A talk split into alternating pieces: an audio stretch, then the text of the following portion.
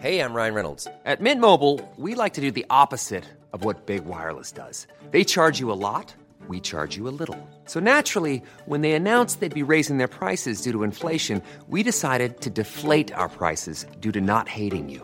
That's right. We're cutting the price of Mint Unlimited from $30 a month to just $15 a month. Give it a try at mintmobile.com slash switch. $45 upfront for three months plus taxes and fees. Promo rate for new customers for limited time. Unlimited more than 40 gigabytes per month. Slows. Full terms at mintmobile.com.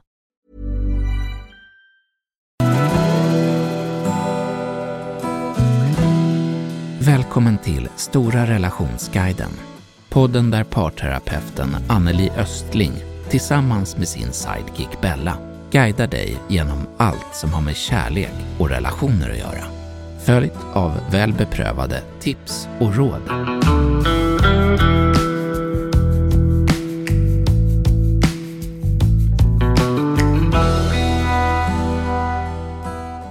Hej!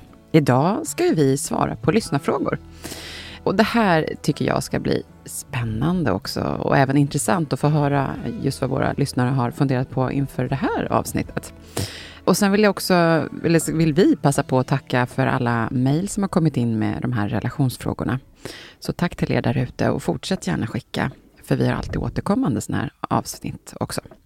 Och vi önskar såklart att vi kunde få med alla, men vi fyller på till nästa avsnitt också kan vi säga. Vi är också väldigt tacksamma för att ni har delat med er av de här olika kämpiga frågorna. Idag handlar det mycket om att vi människor är så lika, men ändå så olika, skulle jag vilja säga. Och hur ska man mötas i alla de här olika karaktärsdragen och meningsskiljaktigheterna som vi har? Det ska vi ta reda på nu. Så Anneli, jag tycker vi kör igång. Är du redo? Ja, men det gör vi. Och jag, de här olikheterna, de kan ju både vara någonting som är utvecklande och lite skav i skorna. Så att eh, vi ser vad vi hamnar i här. Mm, som livet självt, Ja, precis. säger jag lite klyschigt så här. Ja.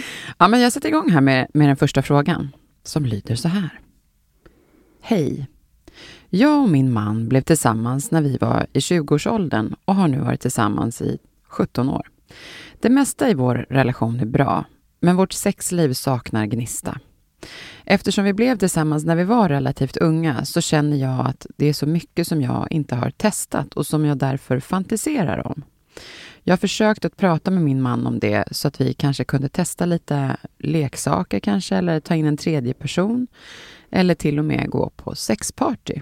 Men han vill inte alls testa något nytt. Och jag vill ju leva med honom, men jag är inte tillfredsställd och har nu faktiskt börjat överväga att vara otrogen för att stilla mina fantasier. Vad ska jag göra? Hälsningar från Eva.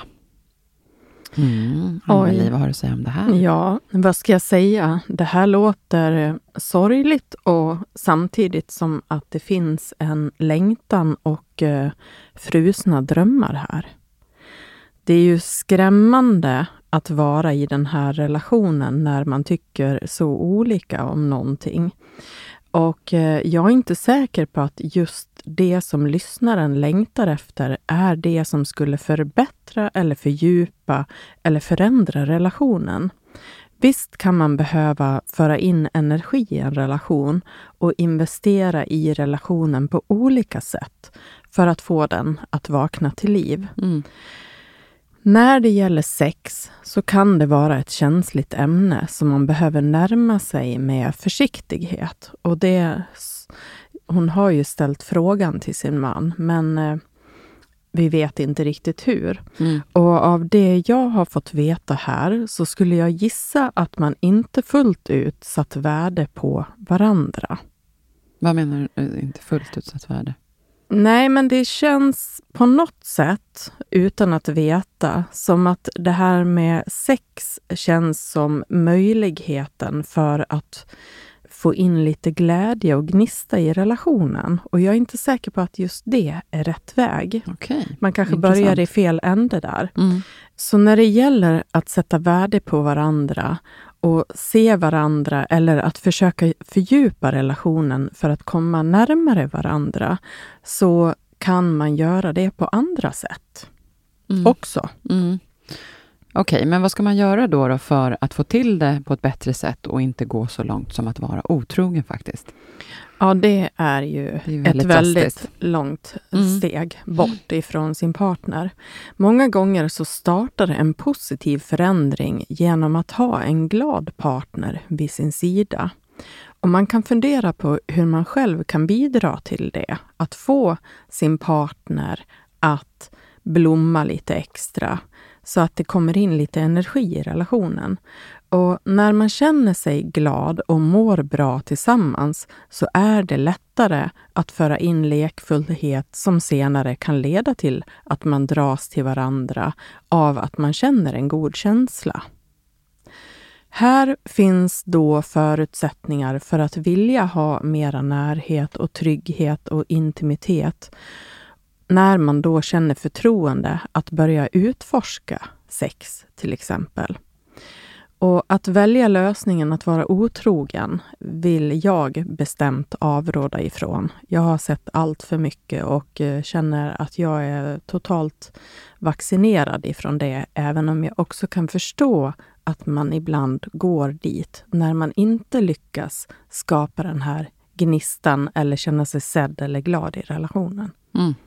Nej, men det löser ju egentligen ingenting så, mer än just en lust för stunden. Så det är ett tufft svek som faktiskt sårar ens partner och kanske till och med en själv. Eller det gissar jag att så borde det vara.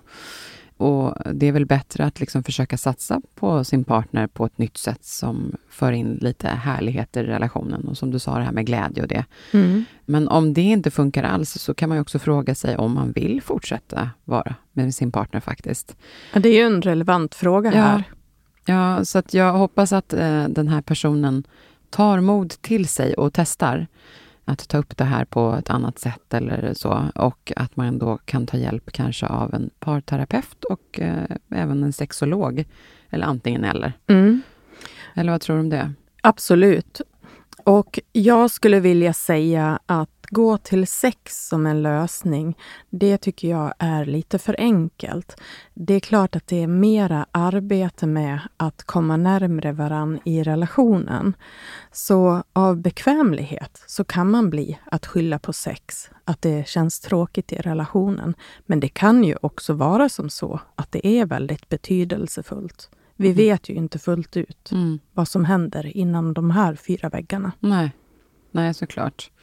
Nej, men vi, eh, då hoppas vi att hon tar hjälp och eh, får, eller ja, prova ett Fundera på sätt. hur hon ja. vill ha det. Ja, Ja. precis. Ja. Mm. Vi lämnar det där och så går vi vidare. Mm.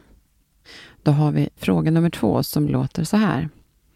Hej, jag är en kvinna som har fått en allvarlig sjukdom. Jag har en man och två fina barn på 5 och 12 år, som alla betyder allt för mig såklart. Men i och med min sjukdom så känns det lite som att krisen faktiskt har kommit till vår relation. Och jag behöver hjälp med hur vi ska stötta varandra genom det här. Vi är så olika när det kommer till det emotionella planet och det känns som vi hanterar våra känslor på varsitt håll. Kan ni snälla hjälpa mig med tips och råd vad vi behöver göra för att stötta varandra så som det passar båda? Jag är rädd att vi ska glida från varandra. Han betyder allt för mig. Hälsningar från 45-årig kvinna från Småland. Mm. Mm. Jobbig situation. Mm. Vad vill du säga här? Ja, jo men det här är en svår situation för båda då saker dras till sin spets här. Eh, Man blir säkert extra sårbar när man själv känner sig skör, när man har fått ett besked om en allvarlig sjukdom. Och man kan ju också bli orolig. Och det kan vara svårt att veta vad man kan förvänta sig i en sån här situation av en partner som också förmodligen påverkas på olika sätt och kanske blir orolig och rädd. Mm. Och i den bästa av världar, i det här läget, så kan det vara skönt med en partner som vågar gå in och ta kommandot och som både kan visa sig sårbar och klarar av att vara stark, att vara en klippa i tillvaron här. Okej, men om man är en partner som kanske har svårt att visa sårbarhet? Mm. Ja, Vad händer då? Har man en partner som inte har förmågan att visa eller prata om känslor så kan man lätt känna sig lite sviken här. Mm. Och det är ju inte av illvilja en person då backar undan, utan det kan vara för att man bryr sig så mycket och blir orolig helt enkelt.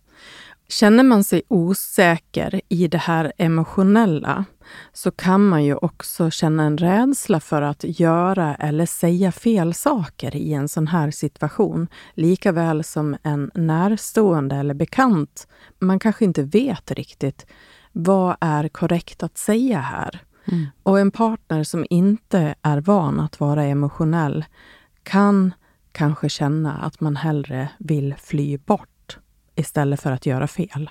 Mm, man är så rädd för att säga fel så att man säger hellre inget. Ja, Men om man säger det då? Om man säger just det? Att jag är rädd för att säga fel, så jag säger inget. mm. båda behöver ju vara extra lyhörda och förstående för situationen här. Och eh, initiativet till sårbara samtal och behov som kan uppstå behöver tas av den som har störst förmåga. Och det här har vi pratat om tidigare. Just det. Men även om det är den som är sjuk som kanske har det, så behöver man faktiskt kanske ta lite lid på det, om man säger.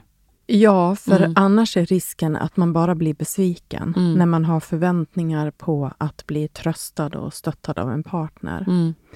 Och en rädd partner kanske bara behöver få höra och känna förståelse ifrån den andra att till exempel jag kan förstå att det här kommer bli svårt för dig och det är helt okej för mig.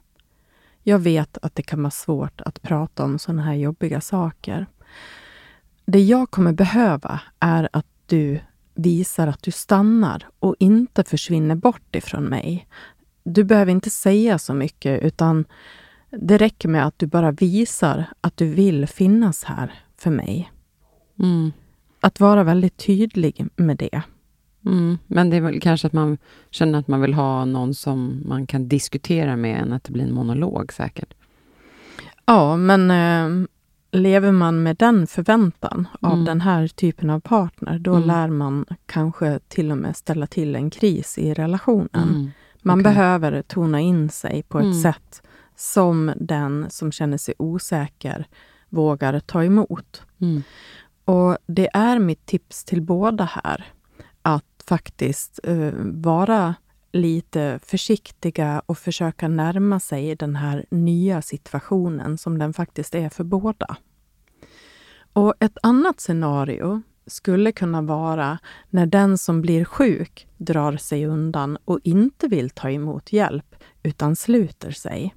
Det har inget med den här lyssnarfrågan att göra, men jag bara säger det. Mm. Att det skulle lika väl kunna vara så. Och det kan bli dubbelt smärtsamt för den andra partnern som vill vara ett stöd, men som inte får möjlighet. Mm. Precis, att det är ännu värre om man kommer ifrån varandra i en sån här situation. Det är viktigt att kunna vara tajta med varandra, det är det du försöker säga här. Ja, ja. och någonstans acceptera varandra så som man är. Mm. Men det man kan önska sig är att få behöva den andra lite mer Mm. under den här perioden. Till och från säkert. Mm. Ja, men tack Anneli. Jag hoppas att vi har hjälpt eh, de här och att det får bli bättre. För det är verkligen... Jag kan tänka mig att när man just är i en sån situation, hur viktigt det känns att vara nära varandra och, och så. Ja, nej, men jag Lite att grann att vara vi mot världen. Ja, det var fint. Mm. Ja, jag tycker vi avslutar där, så Ja. går vi vidare. Ja, då har vi fråga nummer tre här som lyder så här. Hejsan, jag undrar, vad gör man när man är osynk på flera grejer i relationen? Till exempel om en i relationen ofta vill diskutera saker på sena timmen eller till exempel hur jobbet har varit medan den andra är kvällstrött och behov av sömn. Eller den ena kanske har kraftigt hungertemperament och det är inte då konstruktivt att ta viktiga samtal innan då till exempelvis lunch eller middag. För då kanske det oftast blir en irritation och det är inte värt det. Eller till exempel om min partner vill planera medan jag inte vill planera. Eller om en av oss önskar göra någon aktivitet tillsammans medan den andra vill ha återhämtning. ja, det finns flera exempel på det här som jag och vi har upplevt i vår relation. Så alltså, när man går över då andras behov så blir ofta den ena sårad att inte bli lyssnad på och den andra känner sig klämd att behöva ge upp sina egna behov då kanske. Och det här leder oftast till småbråk och gnabb som egentligen inte är stora problem, men ändå liksom störigt återkommande. Jobbigt också att ha regler för allt, typ ja, vi får inte prata om speciella saker innan måltid, eller vi får inte ta upp saker som inte är akut för sent på kvällen. Ja, vi kan köra fast helt i både det ena och andra. Hjälp! Har ni tips på strategier för detta? Hälsningar från Rosie från Roslagen. Mm. Ja, det här var verkligen en fråga som innehåller extra allt. Mm. Mm. Det var det var det många, många Mm. saker i en och samma fråga. Men det var bra att få det exemplifierat istället Absolut. för bara att ha något helikopterperspektiv på det. Så det Mm. var, ja, man fick lite en inblick i de här eh, relation. Det var ja, bra. Och så Mm. här kan det ju faktiskt se ut i många Ja, relationer. gud ja. Det kan jag också relatera till, vissa av de här. Ja. Mm. Och mitt varmaste tips här är att man behöver lära känna varandra och anstränga sig för att förstå varför man tycker och agerar som man gör. Vissa av de här sakerna kan vara svåra att påverka, till exempel olika dygnsrytm eller olika omsättning med blodsockerbalans. Och eh, jag brukar säga att man tidigt i en relation tjänar på att skapa någon form av relationskontrakt, om än ett symboliskt. Mm. Och Det kan handla om hur man ska komma överens om prioriteringar i relationen och också bestämma hur man vill behandla varann i relationen. Mm. Nu låter det verkligen som att jag får ett helikopterperspektiv, men det är lite grann som vi pratade om innan här också, att man, det finns inga genvägar. Nej. Om man börjar att tycka olika om väldigt många saker så har man någonstans missat att samarbeta ifrån början genom att bli trygga med att tycka och vilja olika. Mm. Och eh, när jag möter den här typen av obalans i relationer så brukar jag behöva backa bandet faktiskt Mm. och guida i hur man ska kunna återfå och behålla en nära känslomässig närhet i relationen Mm. som gör att man vill ha en ömsesidig omtanke och respekt. Just det. Men om man har liksom tuggat på så här i 20 år? Ja, det är en ny fråga. Ja. Och det behöver finnas en vilja att lyssna på och försöka förstå varandra som två olika individer. För det är ju faktiskt en tillgång i en relation, om man kan hantera det. Mm. Och tappar man bort den nära känslomässiga känslan tillsammans så finns risken att man mer bevakar sina egna intressen istället för att bry sig om att båda ska kunna må bra. Alltså ibland så, även om man tycker olika, så kan man, bara för att man tycker så mycket om sin partner, liksom vika sig. Man vill att en partner ska må bra. Och då pratar inte jag om en total anpassning, utan ett givande och tagande. Okej, lite att säga, jag går med på den här grejen för att det är inte värt att börja störa mig på små saker hela tiden. Eller, eller Mm. du? Jag vet inte riktigt om jag menar att jag går med på den här grejen.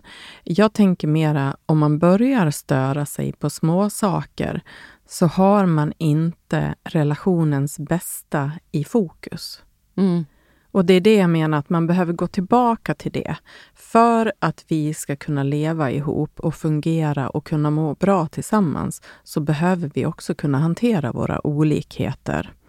Och enligt det här exemplet så föreställer jag mig att man har gått med det här lite för länge. Mm. Det kanske man har då, ja. Om man Ja. tu- tuffar på och så har man kanske barn runt omkring sig och man har inte liksom extra marginaler och börjar man störa sig på och det liksom, kan växa och bli hur stort som... Alltså störningsmomentet kan kännas så att man inte har någon, eh, något tålamod. Så Nej. man bara, sluta inte en gång till. Mm. Så, på något vis. Så i en sån Mm. här situation, då kan jag se att antingen så hamnar man i en ganska rejäl kris Mm. till slut. Mm. Eller så kanske man väljer att avsluta relationen. Om Ja, man du- upplever Även att, fast det är såna här små saker egentligen. ja, Många bäckar små. ja, liksom, du och jag kan säga att det är små saker, men Ja. alla de här sakerna som lyssnaren räknade upp Mm. kan ju vara sånt som gör att man går omkring med en jobbig känsla i magen dag Mm. efter dag. Men om man då ändå, ja, man behöver liksom sätta sig och reda ut de här olika frågorna med ett öppet sinne och bara lyssna på varandra. Mm. Att verkligen lyssna på varandra för att försöka förstå varandra och enas med det. Ja, Mm. det är där jag skulle börja om Mm. det här paret skulle komma till mig. Mm. Vad är det som ligger bakom att man hamnar i en negativ dans med varandra? Mm. Liksom Mm. gå till roten av det för det. Ja, ja, men jag hoppas att jag har svarat upp bra på den här frågan. Vi tar oss vidare. Tack Ja. Anneli. Mm. Hej, Stora relationsguiden. Glad att ni finns och nu har jag en kort familjefråga, men som i allra främsta grad påverkar även vår relation. Jag har länge varit i en sits med min familj där jag nästan alltid blir den dumma, inom situationstecken, eh, föräldern på grund av att jag håller mer på regler och kontinuitet gällande barnens uppfostran. Hur tar man sig ur ett sånt här mönster och kan man säga att det är något som är rätt eller fel när det gäller sånt här? Bästa hälsningar från Filip. mm. ja, det här är en ganska komplicerad fråga. Det Mm. finns många olika perspektiv och aspekter av det här. Mm. Men jag ska försöka Mm. att svara så gott jag kan. Det här är väl väldigt vanligt, gissar jag? Ja, det här är ett ganska vanligt problem som kan skapa skav i den vuxna kärleksrelationen och som ofta även blir att påverka barnen. Mm. De blir att känna av det här mellan Ja. föräldrarna. Ja. Och när det blir för stor skillnad i hur man förhåller sig runt regler och gränssättning så har det ofta med hur man själv har formats och blivit uppfostrad som barn. Mm. Och en person som själv ofta är människor till lags till exempel, är gärna det även med sina barn. Alltså man har en överlevnadsstrategi från Mm. när man var liten, att man gjorde sig omtyckt genom att vara alla människor till lags. Mm.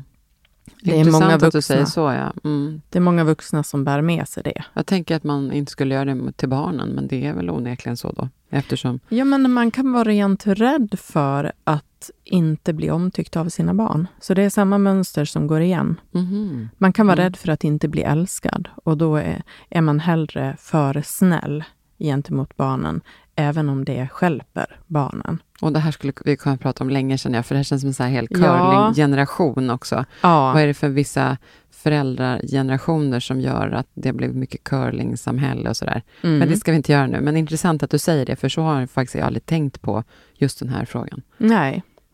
Och då kan det också vara att den andra kan kämpa med gränssättning. Att barnen formas också mest av den föräldern som de spenderar mera tid med. Mm. Och om man har svårt att komma överens här så kan det ha med grundläggande värderingar att göra också. Man kan ha olika bild av vad barn blir mest trygga av. Och här behöver man bli medveten om hur och varför man har så skilda åsikter om det här och vara öppna för att eventuellt vika sig, släppa stolthet och inse att någon av oss två kan ha lite mera rätt. Att man kan behöva kompromissa i vissa lägen. Men man kan också ha svårt för att göra det om man har en jättestark övertygelse eller bär på en rädsla själv.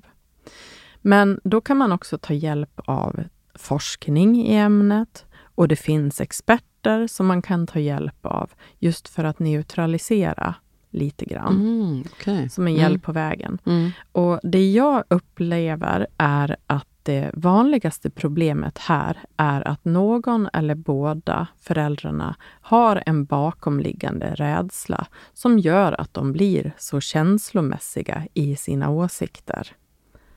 Alltså det kan vara Vad skulle svårare. det kunna vara till exempel?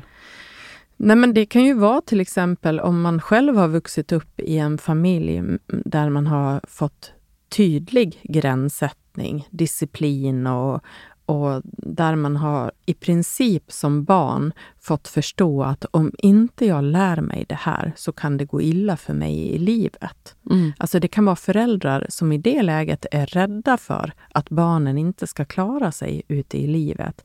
Så att man blir fanatisk med att lära dem vissa saker bara för att man vill att de ska klara sig bra. Mm. Och där kan man också då ibland glömma att se barnen, att lyssna på barnen, att följa med barnen i deras eh, tvivel eller oro eller deras egen utveckling.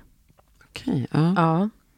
Och eh, en kan vilja skydda barnen från allt obehag. Alltså det är ju lite det här curlandet. Mm.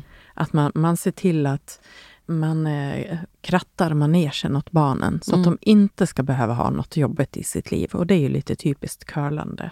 Medan den andra verkligen vill lära sina barn rätt och fel genom att sätta gränser och få väluppfostrade barn. Så det är olika nyanser här. Mm. Men det här är känsligt. Mm, jag kan tänka mig det. Ja. Det vet man ju. Jag har pratat mycket med folk om såna här grejer. Och det, det om man är på liksom långt ut på den här eh, frågan åt varsina håll. Lite man- polariteter. Ja, då blir det, det är liksom en krock i det där. Ja. ja.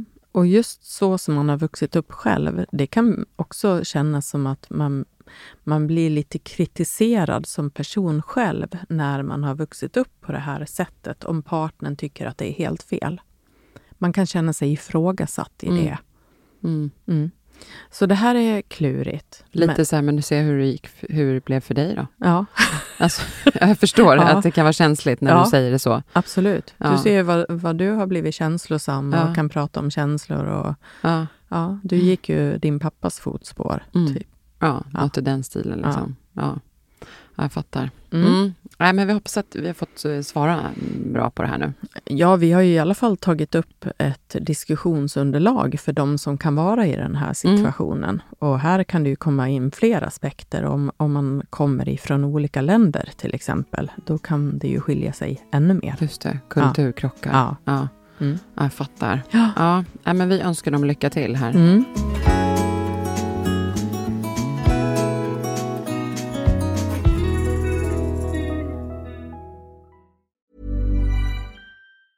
There's never been a faster or easier way to start your weight loss journey than with PlushCare.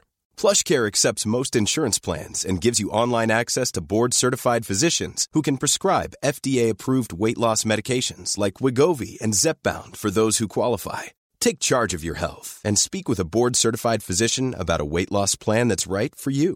Get started today at plushcare.com slash weight loss. That's plushcare.com slash weight loss. plushcare.com slash weight loss. A lot can happen in three years, like a chatbot may be your new best friend. But what won't change? Needing health insurance. United Healthcare Tri Term Medical Plans, underwritten by Golden Rule Insurance Company, offer flexible, budget friendly coverage that lasts nearly three years in some states. Learn more at uh1.com.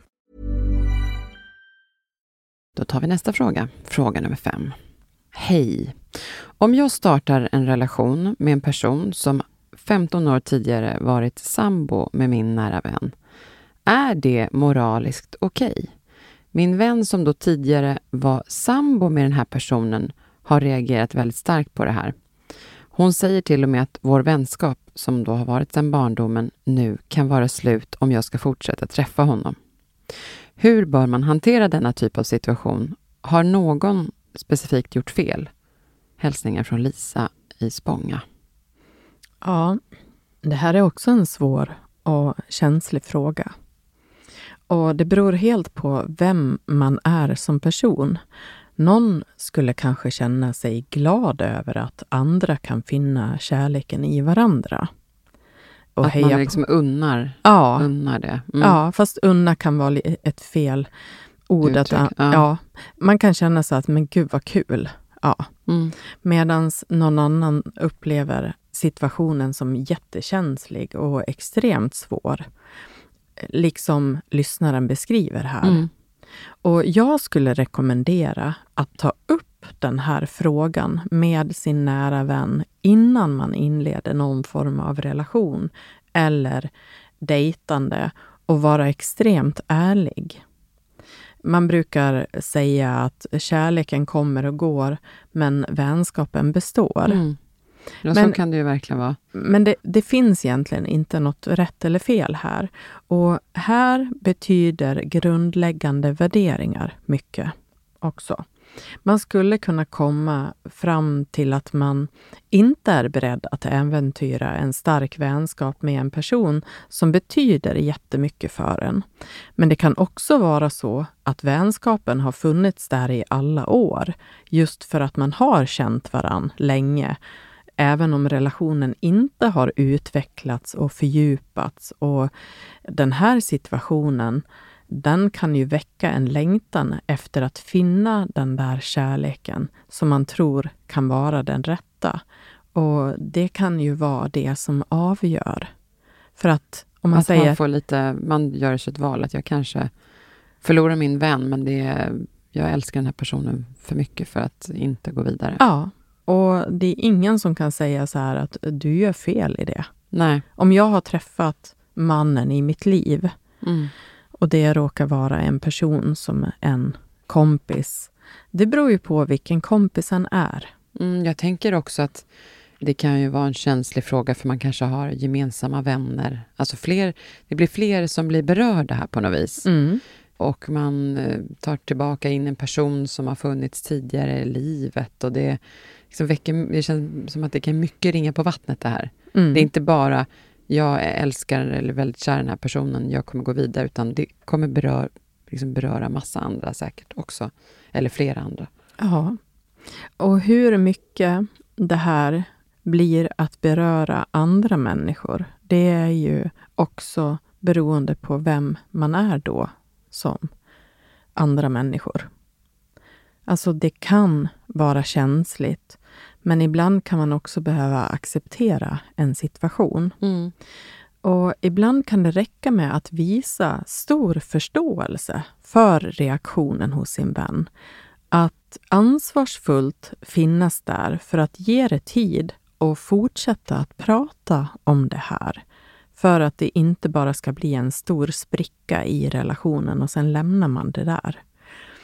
Om den, alltså förlåt, vilken relation menar du nu? Att, alltså mellan de här goda vännerna. ja, okej. Mm. Mm.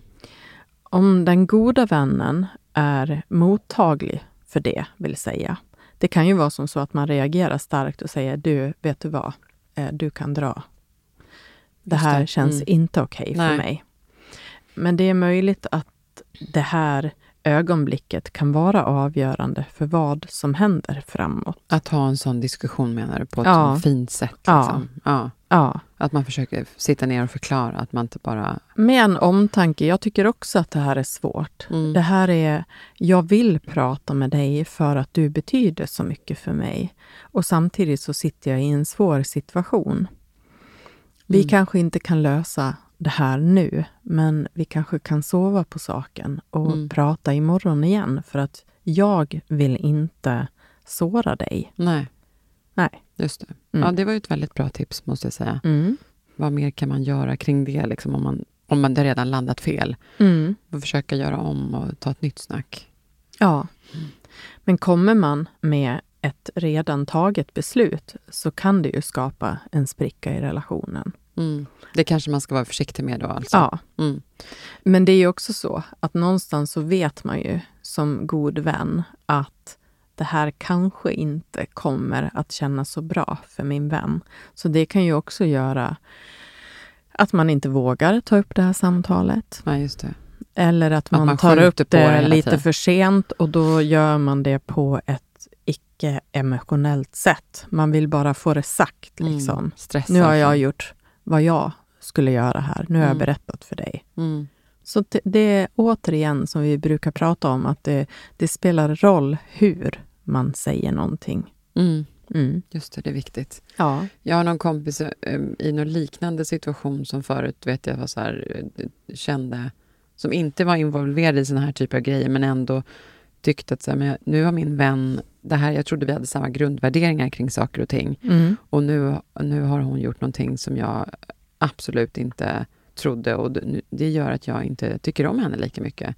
Ja. Alltså sånt, man behöver veta att när man gör såna här lite känsliga saker så men om det känns rätt i magen så gör det det. Nu, jag känner att jag vill inte stå på någon sida här, det är inte det jag försöker säga. Men, men man behöver nog tänka liksom flera steg framåt. Att inte Ja. bara vara passionerat kär i nustunden. ja.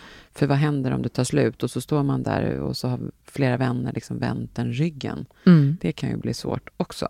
Det kan bli jättesvårt. Mm. Eller Men- så är det liksom den, att man har det här är mannen i mitt liv.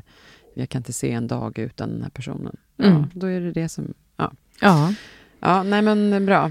Tack Och, för... och jag vill ju också säga att vi vet ju väldigt lite om den här relationen. Så Mm. vi kan ju bara spekulera här. Det är svårt att vara båda de här personerna. Mm. Och det är mycket som står på spel. Ja, jag tycker vi avslutar där och går vidare till fråga nummer sex. Hejsan Anneli och Bella. Hoppas att den här frågan kommer med. Jag och min man har varit tillsammans i 14 år och har generellt sett en bra relation och äktenskap. Men med två barn och en hund så upplever jag mer och mer att jag är den som sköter om hus och hem och alla kontakter med skolan och barnens fritidsaktiviteter. Min man arbetar mycket och åker bort på tjänsteresor minst en gång i månaden. När han är hemma då vill han framförallt göra sånt han själv gillar och har ingen förståelse för mig när jag har försökt ta upp det här. Vad ska jag göra för att han ska hjälpa till mer utan att det blir bråk? Hälsningar från Kristin. Mm. Ja, det här låter Ja. knivigt. Mm. Ja, det låter inte så bra. Och det här har ju vi pratat ganska mycket om, hur jämställda relationer ofta mår bättre. Och i det här äktenskapet låter det som att man inte tar ansvar för att båda ska kunna må bra genom att hjälpas åt. Det är egentligen viktigare här att tänka på alltså en ömsesidig omtanke och respekt för varandra. Och om man tidigt omedvetet hamnat i de här rollerna som har satt sig under många år så kan det vara svårt att få en partner att lyssna och vilja göra avkall på någonting som har passat en själv så bra. Mm. Och det får man väl ha med i beräkningen om man börjar protestera. Mm. Att man, man kanske får en trist reaktion till en början, men, men om man visar sårbarhet här så borde man kunna förvänta sig att den här andra partnern ändå vill förstå. Mm. Och kvinnan här kanske tidigare har varit dålig på att säga vad hon tycker också under de tidiga åren tillsammans. Just det, att man, man behöver vara, ja, men, säga ifrån eller säga emot och inte vara rädd för det. Ja, men man blir ju så delaktig i Ja. det här i och med att man har låtit det hända. Mm. Faktiskt så är det ju så, det måste man ju poängtera. Ja, och det som är så sorgligt är att det här är så vanligt och de här problemen kommer ofta efter många år.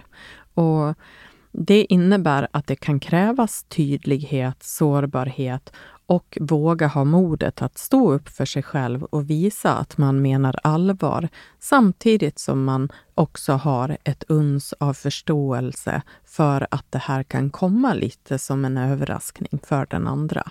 Om inte det är så att man har tjatat om det här i tre år. Mm.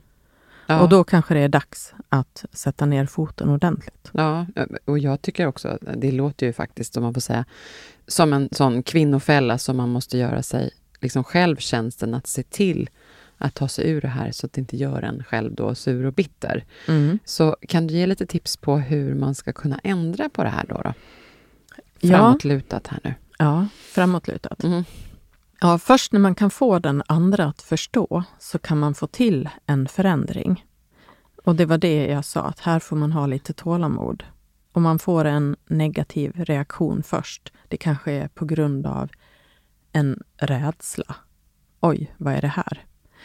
Och när det väl har börjat skava på det här sättet så kan det vara svårt att lägga de här tankarna åt sidan, alltså för den som går och är missnöjd. Så antingen gör man någonting åt det eller så kan situationen förvärras. Och hoppas att den här kvinnan vågar vara sårbar och använda sig av det här mantrat som jag brukar tjata om, TBV, att vara tydlig, bestämd och vänlig. Den är så bra. Var Ja. bra att du tog upp den här. Det Ja. blev jag glad för. Ja. Kan du inte förklara den lite mer sådär pedagogiskt, måla ut det? Mm. TBV betyder tydlig, bestämd och vänlig. Alltså, man är tydlig med vad man själv upplever och känner. Sen är man bestämd i hur man önskar bli bemött för att vilja samarbeta på ett bra sätt.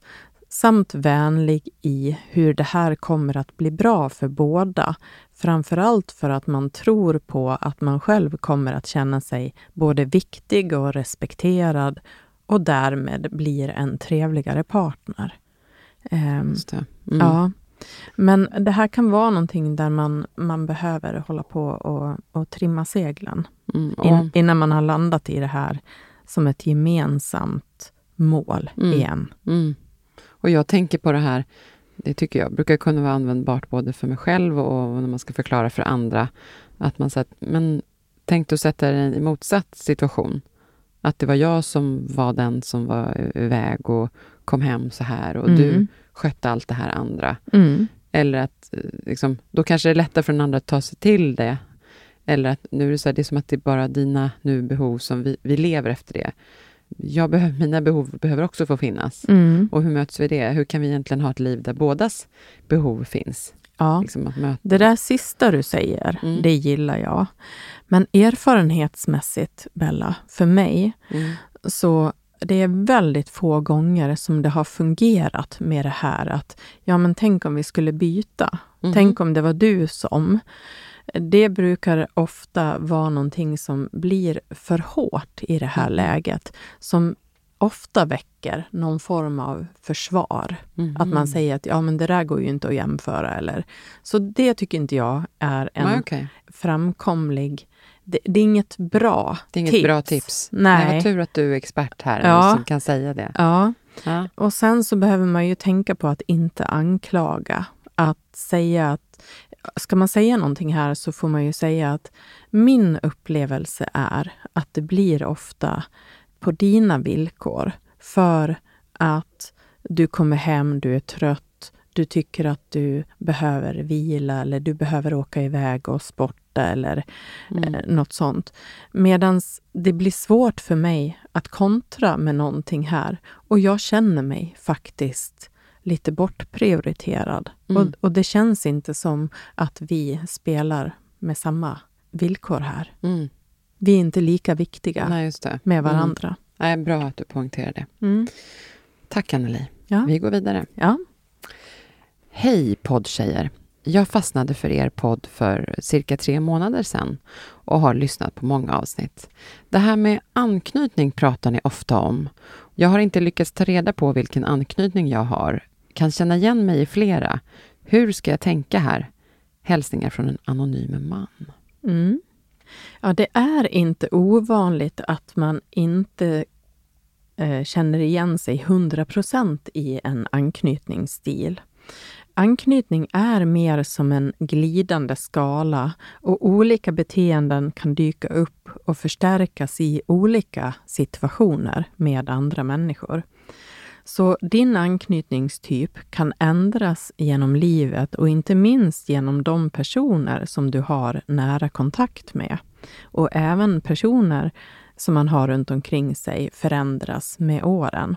Och om du har en partner med en trygg anknytning så är det troligt att du över tid påverkas till att också bli mera trygg själv. Så mitt tips är att inte lägga för mycket fokus på att försöka hitta sin anknytningsstil, utan istället fokusera på att försöka lägga märke till de tillfällen då det uppkommer problem i relationen eller relationer och hur just de problemen kan hanteras av dig. Mm. Och genom att träna på medveten närvaro och fundera på om det skulle bli ett annat resultat om man försöker ta mod till sig att agera med ett tvärtom-beteende till exempel. Vad, Eh, bety- vad betyder det? Ja, men alltså att göra det motsatta mot det man brukar göra, det är ofta hjälpsamt. Oavsett vilken typ av anknytning man har. Alltså, Alltså, om spel, jag- Lite som att spela i teater, tänker jag här nu. Ja, Eller? ja men Eller ska man tänka så här, nu ska jag testa det här bara? Eh, Se hur alltså, det- jag tänker så här. Ha ett öppet sinne och var, var öppen för att tänka nytt. Om man till exempel ofta känner att jag känner mig kritiserad. Jag går till försvar här. Jag försvarar min existens. Om jag istället skulle säga att du, det där du sa till mig, det fick mig att känna mig lite kritiserad. Jag är inte, jag tror inte att det var din avsikt, men kan du hjälpa mig att förstå vad det var du menade? Mm. Det blir en ganska drastisk skillnad Just mot det. att Mm. gå till försvar och Mm. sen fastna i en konflikt istället för att bemöta en person med en ödmjukhet och en nyfikenhet och att vara vänlig. Att i princip snälltolka. Mm, men då vet man ju inte vad den andra är just då. Om den är på samma liksom, plan- nivå just då. Men den personen får ta ansvar för sig. Mm. Om man till exempel har en tendens att man gärna vill fly Mm. om det blir en obekväm situation, om ett jobbigt samtal kommer upp. Och det vanliga är att man försöker att eh, undvika det här samtalet eller prata om någonting annat. Så kan man tänka att hur skulle det vara för mig att istället be min partner eller den här personen att beskriva lite mer. Vad tänker du om det här, Mm. till exempel? Mm, för att visa sig nyfiken på den andra, att det betyder mycket att få höra vad den andra känner och tänker. Ja, att vilja delta, Mm. att vilja bidra. Mm. För man behöver inte tycka lika. Och, och det är just det här att, att inte vara rädd. Att inte ta ett kliv bakåt, utan istället ta ett kliv framåt. Mm. Och som avslutning i det här kan jag säga att det är bättre att byta ut rädsla mot nyfikenhet. Jag tycker att det här känns svårt. Jag tycker Mm. det här känns jättejobbigt. Egentligen skulle jag bara vilja inte prata om det här, men jag känner att jag skulle gärna vilja höra vad du Mm. tänker om det här. Just det. Jag tänker på den här, som ibland brukar jag använda den mot mig själv, eh, eller sådär, att främmande ska inte vara skrämmande, utan främmande ska vara spännande. Ja. Att den, Det är bra. Liten bra ordlek i huvudet att ha. Mm. Att åh, man känner sig, åh nej, vad är det här? Sen bara, nej, men jag kan ju bara liksom ändra mitt mindset i det här. Mm. Så ja, bra. Tack för att du sa det. Jag hoppas att det hjälper. Ja. Ja, men toppen. Då har vi besvarat alla våra lyssnarfrågor för idag. Och innan jag ska berätta om vad, vad vi ska prata om nästa vecka så vill jag faktiskt ta tillfället i akt och berätta en jätterolig nyhet. Att Anneli, du ska ju faktiskt släppa en bok med samma namn som den här podden.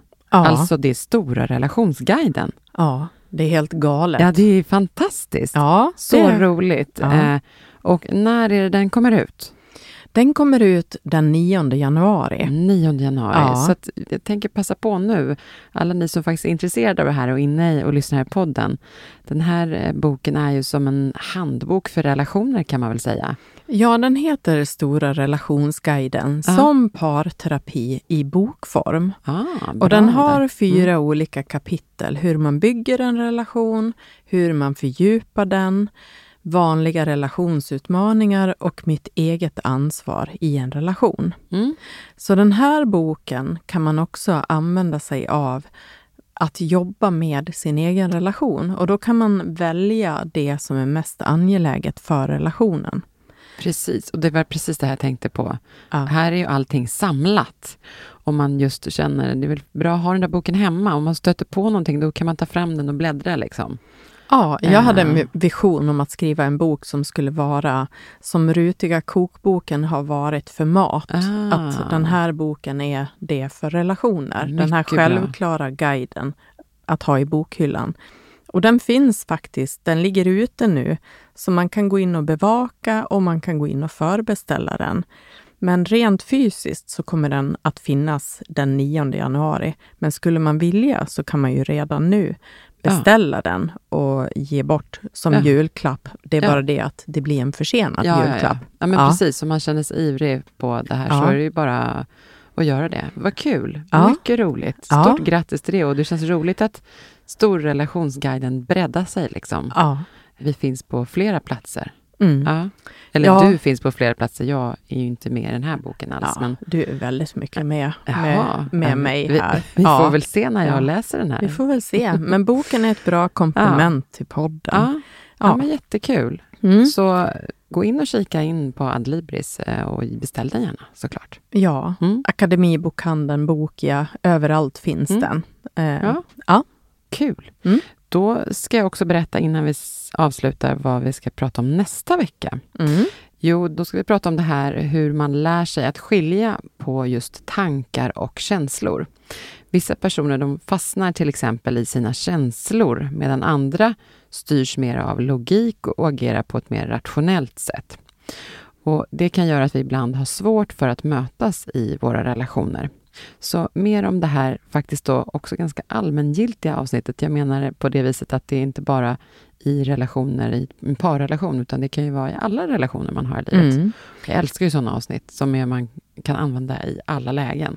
Ja, och jag tänkte att jag ska försöka förklara lite grann vad mm. som ligger bakom mm. det här med mm. känslor eller tankar. Mm. Hur man kan förstå det på ett mm. nytt sätt, eller på ett sätt. Ja. ja, men bra. Ja. Vad härligt. Ja.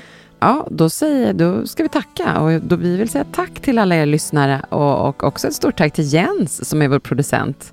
Och sen har vi också såklart Anneli. Tack för alla dina goda råd och all din kunskap, att du delar med dig till oss andra. Mm. Tack själv Bella. Vi hörs nästa vecka igen. Det gör vi. Som vanligt.